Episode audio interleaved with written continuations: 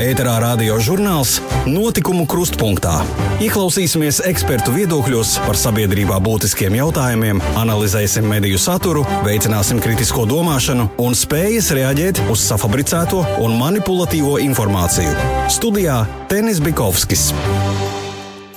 Sveicināti cienījamie radioklausītāji! Šīs dienas raidījumu, kā ierasts, sāksim ar starptautisko notikumu apskatu un pārlaposim vietējos preses izdevumus. Raidījuma gaitā izsmeļošāk ieskatīsimies UNESCO mediju pratības nedēļas pasākumos, kas notika Kaunijā un Rīgā.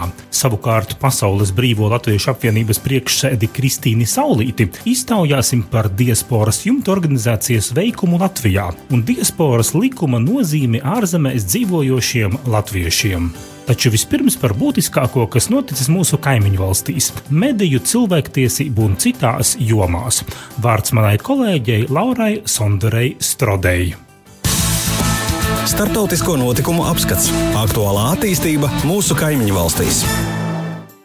Vācijas radiostācija Deutsche Welle vēsta, ka Krievijas valdība ir beigusi darbu pie lēmuma par sankciju ieviešanu pret Ukrainu. Sankcijas skar šo 360 Ukrainas uzņēmumus, kā arī 50 fiziskās personas. Pagaidām sankciju sarakstā iekļauto personu vārdi netiek nosaukti, bet pēc anonīma Krievijas valdības pārstāvja teiktā, Ukrainai būšot daudz pārsteigumu, un sola, ka Ukraiņi sankciju sarakstā ieraudzīšot daudzas personas, kurām neskatoties uz deklarēto nedraudzīgo nostāju pret Krieviju, cenšas nopelnīt uz nesaskaņu rēķina starp abām valstīm. Ieviest speciālos ekonomiskos mērus pret Ukrainas firmām un pilsoņiem deva Krievijas prezidents Vladimirs Putins. Viņa rīkojums stājās spēkā 22. oktobrī. Plaša uzmanība šonadēļ bija pievērsta Arhangelskai, kur pēc pieejamās informācijas spridzekļa eksplozijā federālās drošības dienas tēkā gājis bojā viens cilvēks un trīs guvuši ievainojumus. Saskaņā ar sākotnējo informāciju gājis bojā 17 gadus vecs vietējais iedzīvotājs, kurš atnesis spridzekli. Trīs ievainotie ir drošības dienesta darbinieki. Deutsche Welle informē, ka Krievijā gada laikā ir ievērojami pieaudzis to iedzīvotāju skaits, kuri uzskata, ka ir atbildīgi par to, kas notiek valstīm, Saskaņā ar Levada centras aptaujas rezultātiem iedzīvotāju skaits, kuri uzskata, ka ir atbildīgi par notiekošo valstī, ir pieaudzis no 9 līdz 28 procentiem.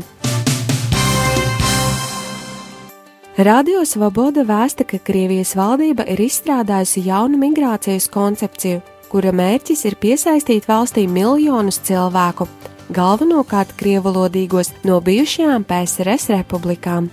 Attiecīgu dokumentu 31. oktobrī parakstījis Krievijas prezidents Vladimirs Putins.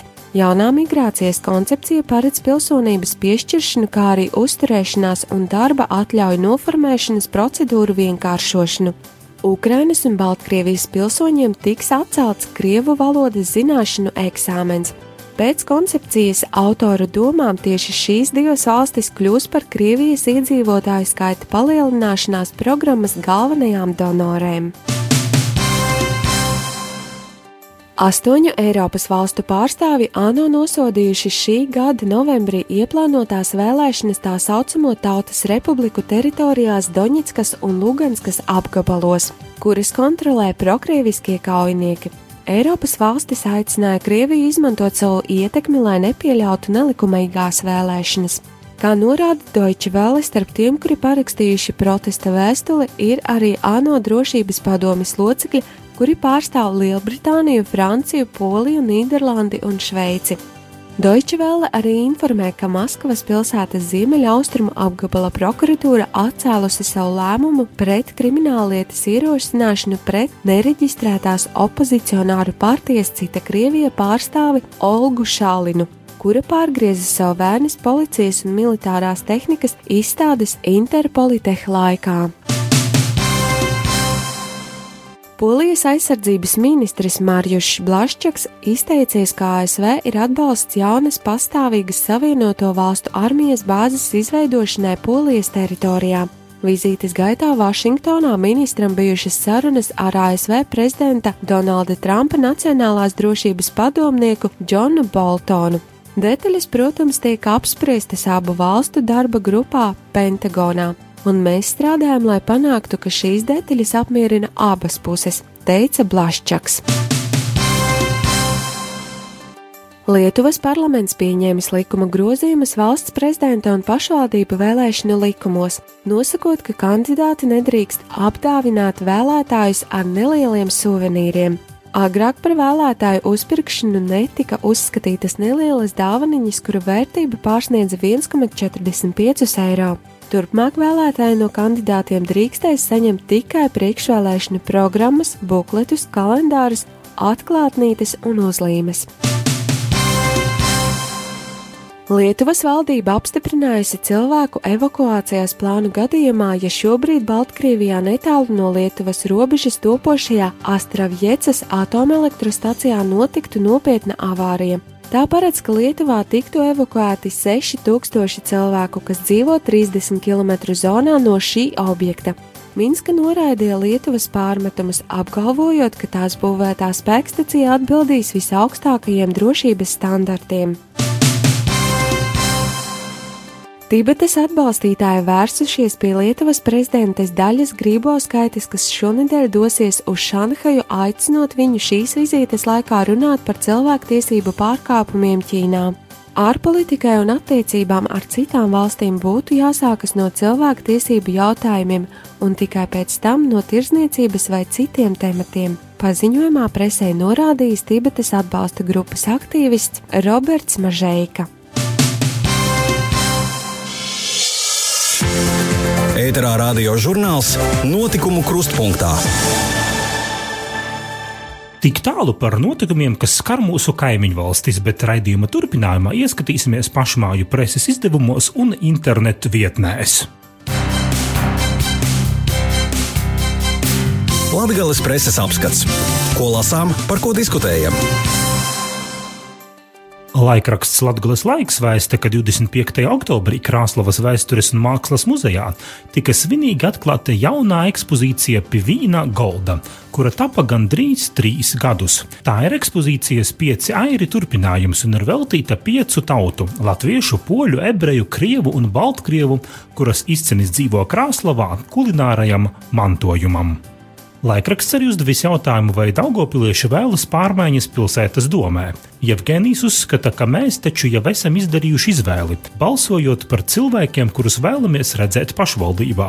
Tiesa, lai arī kā mēs vēlētu, politiķi pēc tam visu izkārto savā starpā tā, kā viņiem ērtāk. Turklāt viņi ļoti bieži zog cits cita domas un idejas, bet pēc tam saka, to izdomāju es. Daugopils iedzīvotājs Vladimirs ja notiktu pārvēlēšanas, noteikti tajā piedalītos. Uzskatu, ka pašreizējā situācijā partijas diezin vai spējas kārtīgi vienoties un normāli strādāt. Citus aptaujātos nosacīti varot iedalīt divās grupās. Vieni uzskata, ka pārvēlēšana nav nepieciešama un galvenais ir vienoties pašreizējiem 15 deputātiem. Savukārt citi uzsver, ka tagad ir vispiemērotākais brīdis, jo daudzi iekavētie būvdarbi un augošais kredītu sloks negatīvi ietekmē pilsētas reputāciju. Laikraksts Brīvā Daugava informē, ka decembris pilsētā iesāksies ar lielās svētku eglas iedegšanu vecpilsētas laukumā 8. decembrī. Jēkabpils pašvaldība aicina uzņēmējus biedrības un organizācijas jau laikus ietērpt pilsētu Ziemassvētku rotā un papildināt Kena parku ar savu īpaši šiem svētkiem veidotu vai rotātu egli. Internetportāls Jēkabils laiks publicējis Sijā Jēkabils pakalpojumu aicinājumu valsts svētkus sagaidīt bez parādiem. Saprotot, ka ik viens var nonākt situācijā, kad laikā nav apmaksāts kāds reikins, Sijā Jēkabils pakalpojumi piedāvā saviem klientiem piedalīties akcijā Parāds nav brālis. Ja klients, kuram ir izveidojušās parāda saistības līdz 16. novembrim, veiks pilnu parāda apmaksu, tad Sijā Jēkabils pakalpojumi simtprocentīgi dzēsīs nokavējuma naudu no parāda summas. Savukārt nodibinājums Viduslatgales pārnovada fonds informē, ka stipendiju programmā Lībāna novada jauniešu studijām augstskolās šajā mācību gadā stipendijas piešķirtas 25 studentiem ar kopējo summu 37 000 eiro.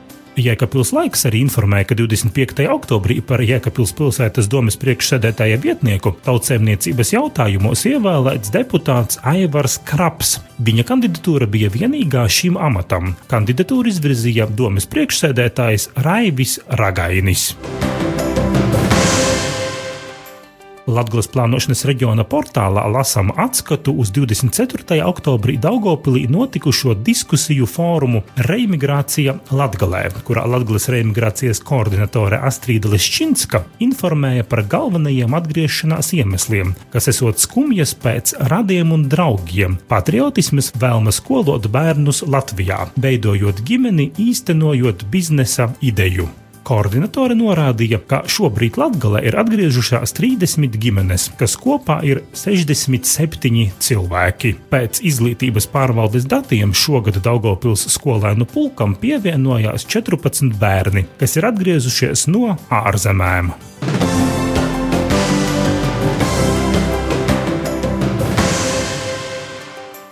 Tik tālu neliels ieskats vietējos portālu un preses izdevumu slēgās.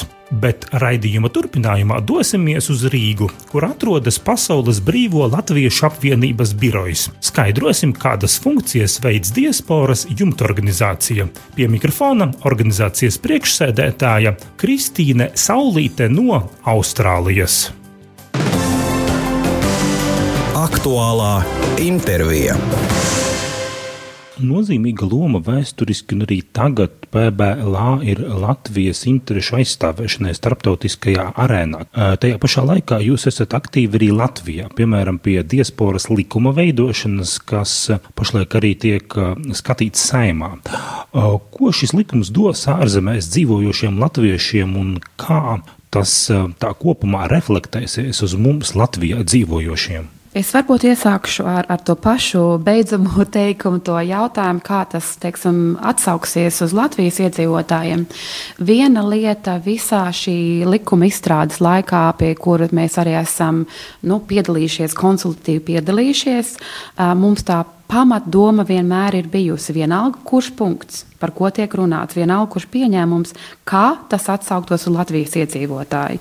Jo galu galā vissvarīgākā lieta ir šejienes valsts, eh, tieši cilvēki, kas dzīvo, kas dzīvo Latvijā. Tā kā jebkura veida um, pieņēmumi likumā nevarētu nekādā veidā uh, konfliktēt vai arī nu, konfliktēt Latvijas iedzīvotāju un nekādā veidā nepaceltu ārzemēs dzīvojušos latviešus augstākā plauktiņā. Uh, tā lieta, ko mēs ļoti ceram ar šo likumu, ka teiksim, varētu sakārtot valsts attiecības pavisam formālā veidā ar ārpus Latvijas dzīvojošajiem um, valsts piedarīgajiem tautiešiem, lai teiksim, nu, pavisam praktiskā veidā, lai, lai būtu šī sadarbība joprojām būtu spēcīga izglītības un kultūras lomā.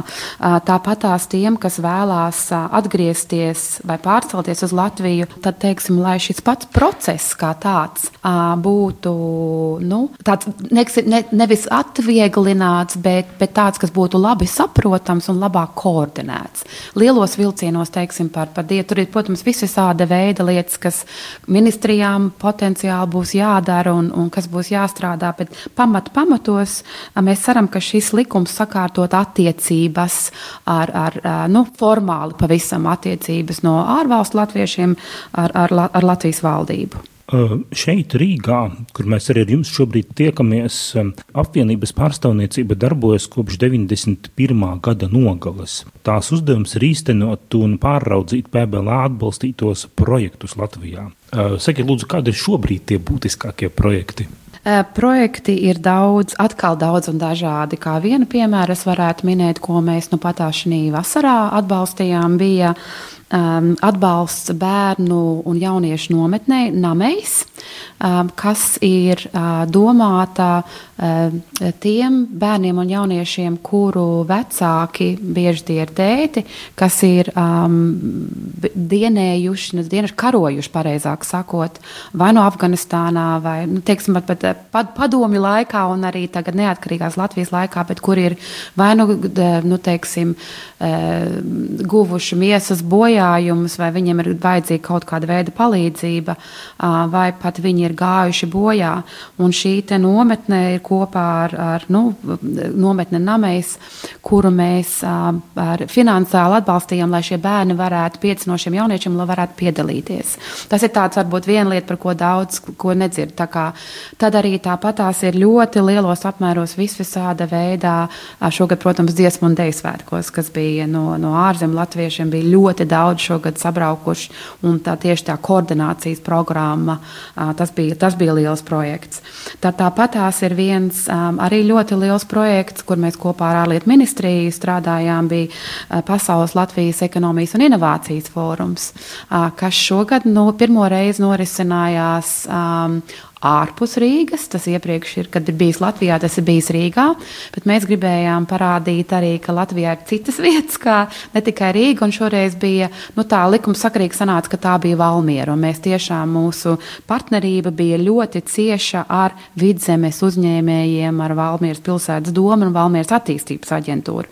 Un mēs ceram, ka nākošajā gadā, kad atkal, teiksim, nu, um, atkal šis fórums būs, um, tad mēs arī ceram paskatīties paskatīties atkal uz citu Latvijas reģionu un kopīgi, kopīgi sadarboties. Tā kā projekti ir gan, ir gan kultūras, gan izglītības, gan ekonomijas, gan tāpat drošības laukā un arī patriotiskās audzināšanas laukā. Jūs jau šeit eh, tikko pieminējāt šos projektus, bet eh, vai aptuveni ir aplēsts, cik diaspora, precīzāk sakot, vecās trimdas organizācijas pa šiem gadiem kopš neatkarības atgūšanas ir ieguldījuši šādos atbalsta projektos eh, Latvijā? Ir um, divi veidi atbalsti, un es vēlos uzsvērt divus, jo viens ir, um, protams, finansiālais atbalsts, un otrs ir nemateriālais, ko īstenībā pieredze un kontakti, ko ar naudu nevar nopirkt. Tas ir ļoti, ļoti svarīgi.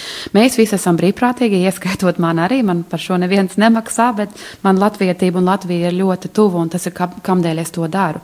Um, ja mēs runājam par pirmo, par finansiālo, tad uh, droši varētu teikt, ka kopš neatkarības atgūšanas mēs esam ieguldījuši vismaz 2 miljonu ASV dolārus. Vismaz.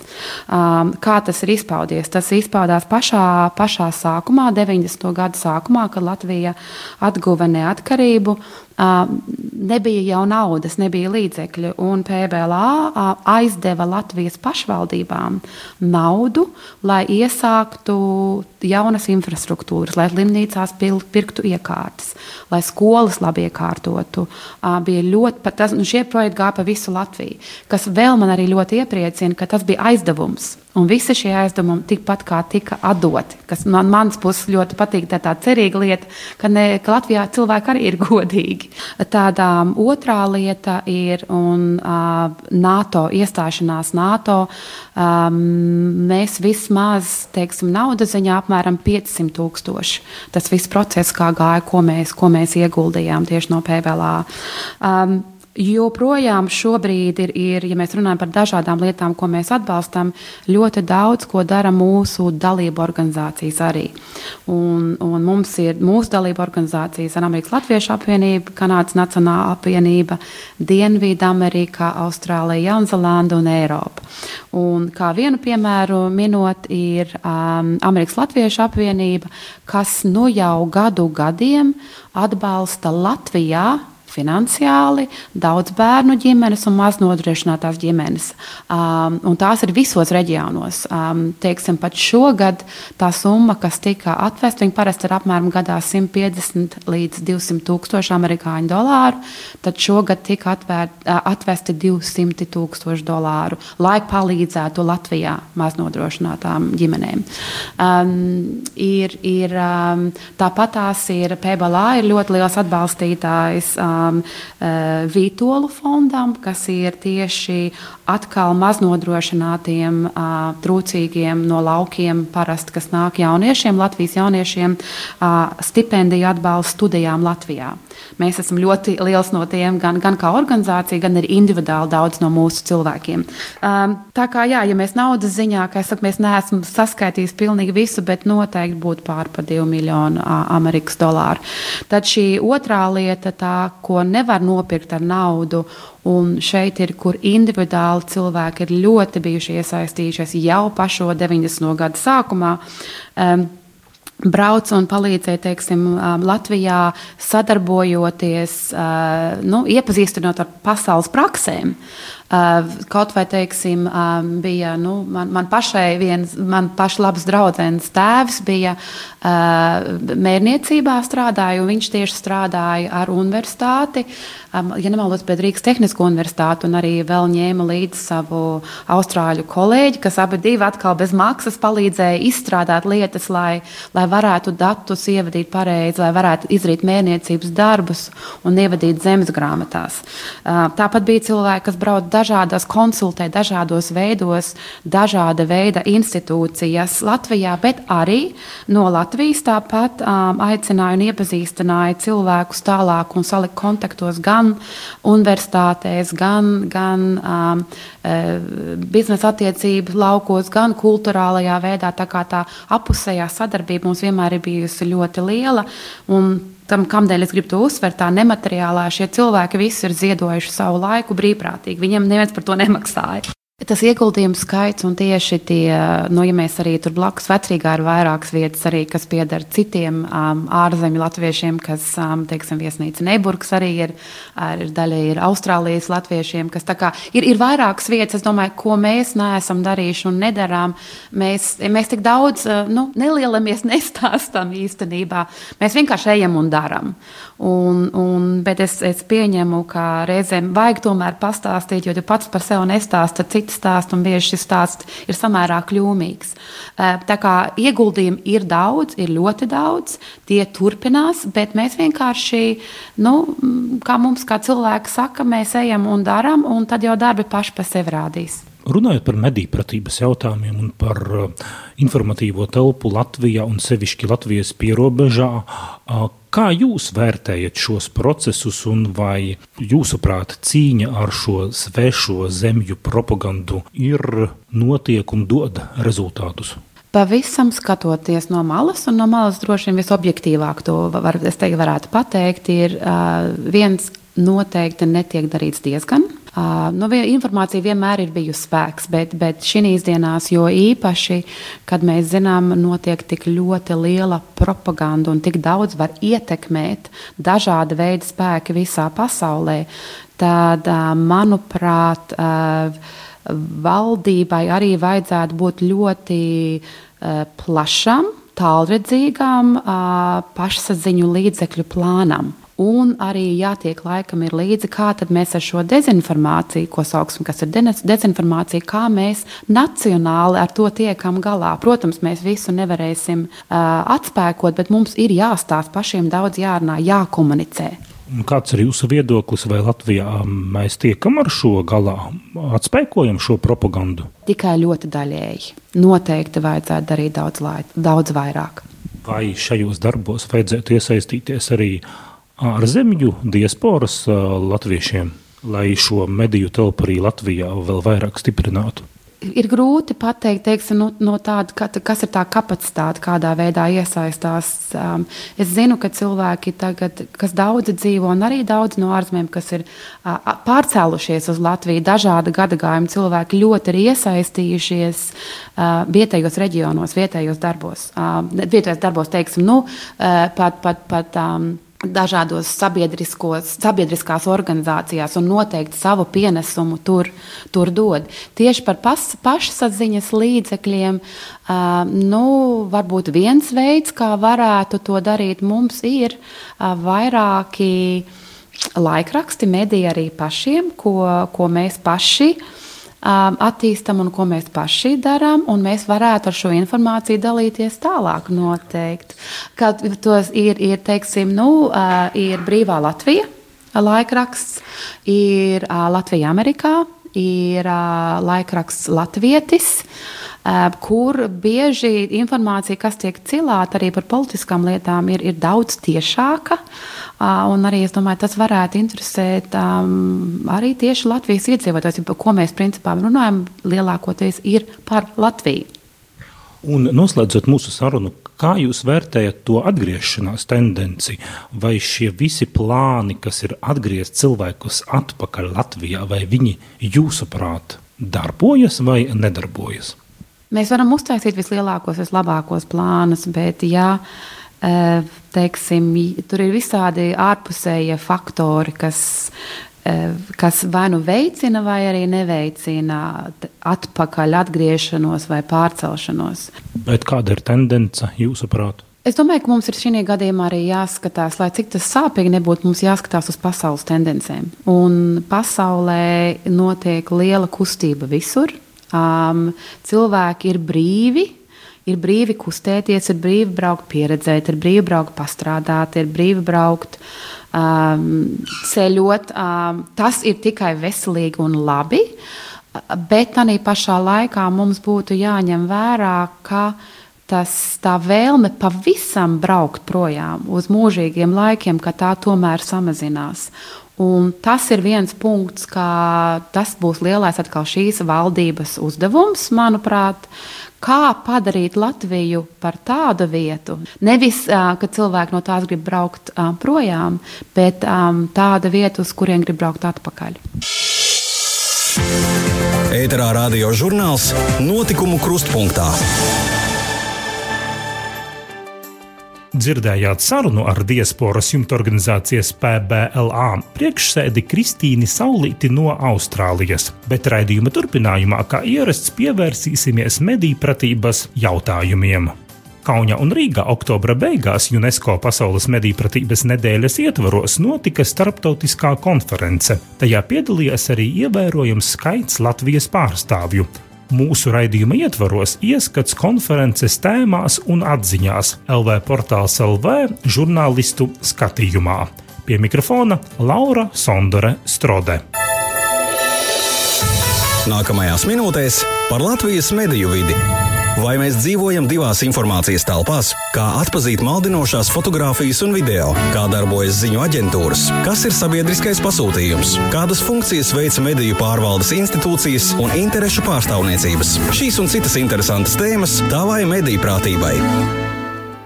Orientēšanās tehnoloģijās, mediju un informācijas plūsmā, atverot interneta pārlauku, jau šobrīd ir tikpat nepieciešamas prasmes kā ceļu satiksmes noteikumu zināšana izējot ielās. Konferences ievadā situāciju raksturoja Eiropas komisijas informācijas sabiedrības departamenta vadītājs Patriks Penings. Mediju pratība ir ļoti plašs jēdziens. Tā nav tikai mediju kritizēšana, neusticēšanās nevienam, tā ir iesaistīšanās, kas balstīta kritiskajā domāšanā. Es aicinu raudzīties ne tik daudz uz sociālajiem izaicinājumiem, kādus radījuši sociālie tīkli un internets, bet uz iespējām šos rīkus izmantot kopīgam labumam, uzsvēra UNESCO pārstāvis Altons Grizlis. Bieži vien par mēdīju pratību pat visaugstākajā līmenī lielākoties runā līdz galam neizprotot, ko tas nozīmē, reducējot tikai uz nepatiesu faktu pārbaudi un viltus ziņu atmaskošanu taču ļoti būtiska ir arī naida runa. Sabiedrības izpratne par tās ietekmi ne tikai uz konkrētiem upuriem, bet interneta vidi kopumā joprojām ir visnotaļ neliela. Kā norādīts UNESCO tīmekļa vietnē, mēdīņu pratība un informācijas pratība ietver vairākas kompetences, piemēram, spēju meklēt, kritiski izvērtēt un izmantot informāciju un mēdīju saturu, zināšanas par cilvēku tiesībām internetā, izpratni, kā cīnīties ar naida runu un pazemošanu tiešsaitē, izpratni par informācijas pieejamību un pielietošanas ētiskajiem aspektiem, prasmi izmantot mēdījus, informācijas un komunikācijas tehnoloģijas tā, lai sargātu demokrātiskās vērtības, veicinātu vienlīdzību, runas brīvību, kultūru un reliģiju savstarpējo dialogu. Attieksme pret mēdīju pratību un informācijas pratību dažādās pasaules valstīs ir ļoti atšķirīga. Vietām mēdīņu pratība ir tikai atsevišķu pētnieku interesējuša joma. Piemēram, politologs Tomas Durants, bet Cera to atzina, ka Kolumbijas politiķus interesē risinājumi, kam ir tūlītais efekts, taču ieguldījumu iedzīvotāju mēdīņu pratībā rezultāti ir redzami tikai ilgtermiņā. Tomēr daudziem mēdīju pratība un informācijas pratība ieņem būtisku vietu ne tikai izglītības satura programmā, kā tas ir piemēram Somijā, bet pat valstu nacionālajos plānošanas dokumentos, piemēram, Jamaikā, un pilsētu plānošanas dokumentiem ar mērķi attīstīt gudrās, izglītojošās pilsētas, piemēram, Kamerūnā. Iespējams, mediju pratība ir jauna pakāpe politiskās filozofijas koncepcijā par sabiedrisko līgumu tikai šoreiz virtuālajā vidē. Daudzu konferences runātāju vēstījums ar dažādu sociālo problēmu prizmu bija līdzīgs. Internets ir vide, kurā acīm redzotā lietotājiem ir no jauna jāvienojas un jāmāca, kā tajā uzvesties, ko drīkst un ko nedrīkst atļauties. Galu galā nepieciešams kliedēt mītu, ka internetu no reālās dzīves šķir kaut kāda robeža, aiz kura valda citi noteikumi, morāles normas un likumsakarības cilvēku attiecībās, uzsvēra itāļu sociāla antropologs Mikele Filippo Fonte Francesco. Tas ved arī pie secinājuma, ka mēdīņu pratība un informācija pratība tiešā veidā iespaido individa un sabiedrības dzīves kvalitāti, jo informācijas telpa, kurā atrodamies, lielā mērā ietekmē to, kā uztveram un attiecamies pret notiekošo, kam ticam un kā rīkojamies. Sabiedrībai, kura teju slīkst informācijas pārbagātībā, tā ir viela pārdomām. Nav pārsteigums, ka visvairāk par mediju pratības izglītības praktisko pusi bija sakāms Sārai Salomā Somijas Nacionālā audiovizuālā institūta vecākajai pētniecei. Šajā Ziemeļvalstī mēdīju izglītībai ir politisks atbalsts un finansējums jau 15 gadus, un mēdīju pratība ir viena no septiņām kompetencēm, kas caurvīja visus izglītības posmus. Somijas izglītības satura veidotāji ir sapratuši, ka mēdīņu pratība modernajā sabiedrībā ir viena no dzīves nepieciešamībām, kas jāmāca soli pa solim jau no mazotnes. Kad bērni sāk apmeklēt bērnu dārza auklītes un pedagoģi saskaras ar milzumu daudz jautājumu par internetu un tehnoloģijām, mēs nevaram atbildēt, pagaidiet, līdz sāksiet iet skolā, vai runāt katrs kaut ko citu, tā mulsinot mazos prātus, akcentēja pētniece. Neskatoties uz salīdzinoši plato soli, ar kuru Somija ir priekšā daudzām citām valstīm mēdīju izglītības jomā, arī tā saskaras ar problēmām. Piemēram, izrādās, ka, lai runātu ar bērniem par mēdīju pratību, ir nepieciešama zināma uzdrīkstēšanās, kuras daudziem pedagogiem pietrūkst. Skolotāji, kuri ieguvuši izglītību iepriekšējās desmitgadēs, norāda, ka viņiem pašiem trūks zināšanu ne tikai par mēdījiem, bet arī tehnoloģijām. Dīvainā kārtā pedagoģi ļoti baidās, ka runājot ar bērniem par mēdīju pratību, viņi nevilšus pieļaus kļūdas, tā psiholoģiski traumējot bērnu, taču patiesībā tas taču ir daudz drošāk nekā doties ārā, kur bērni var paskriet zem mašīnas, secinājumā Salomā. Iespējams, tās ir niecīgas grūtības salīdzinot ar tām, kuras nāksies risināt to valstu mēdīju politikas veidotājiem, kas izliekas pārmaiņas sabiedrībā neredzam. Domājot par konferencē dzirdēto un redzēto, skaidrs ir viens - par mēdīju pratību un informācijas pratību dzirdēsim arvien vairāk. Turklāt visdažādākajās dzīves jomās, sākot ar bērnu dārza un skolas izglītības programmām, individuālo drošību virtuālajā vidē un valsts drošību, Vēl vairāk, pēc daudzu konferences dalībnieku domām, ir pēdējais laiks mēdīju pratību un informācijas pratību pielīdzināt tādām absolūti nepieciešamām pamatzināšanām, kā lasīt prasmes, saskaitīšana un atņemšana, kas tiek bērniem mācīta no mazotnes. Ēterā radio žurnāls Notikumu krustpunktā. Ar to arī šīs dienas raidījums notikumu krustpunktā pietuvojas beigām. Paldies, ka bijāt kopā ar mums! Visu labu jums, klausītāji, abos Daugavas krastos novēlu es Tenis Bikovskis uz sadzirdēšanos jau nākošajos raidījumos. Radio žurnāls notikumu krustpunktā ir sagatavots ar valsts reģionālās attīstības aģentūras finansiālu atbalstu no Latvijas valsts budžeta līdzekļiem.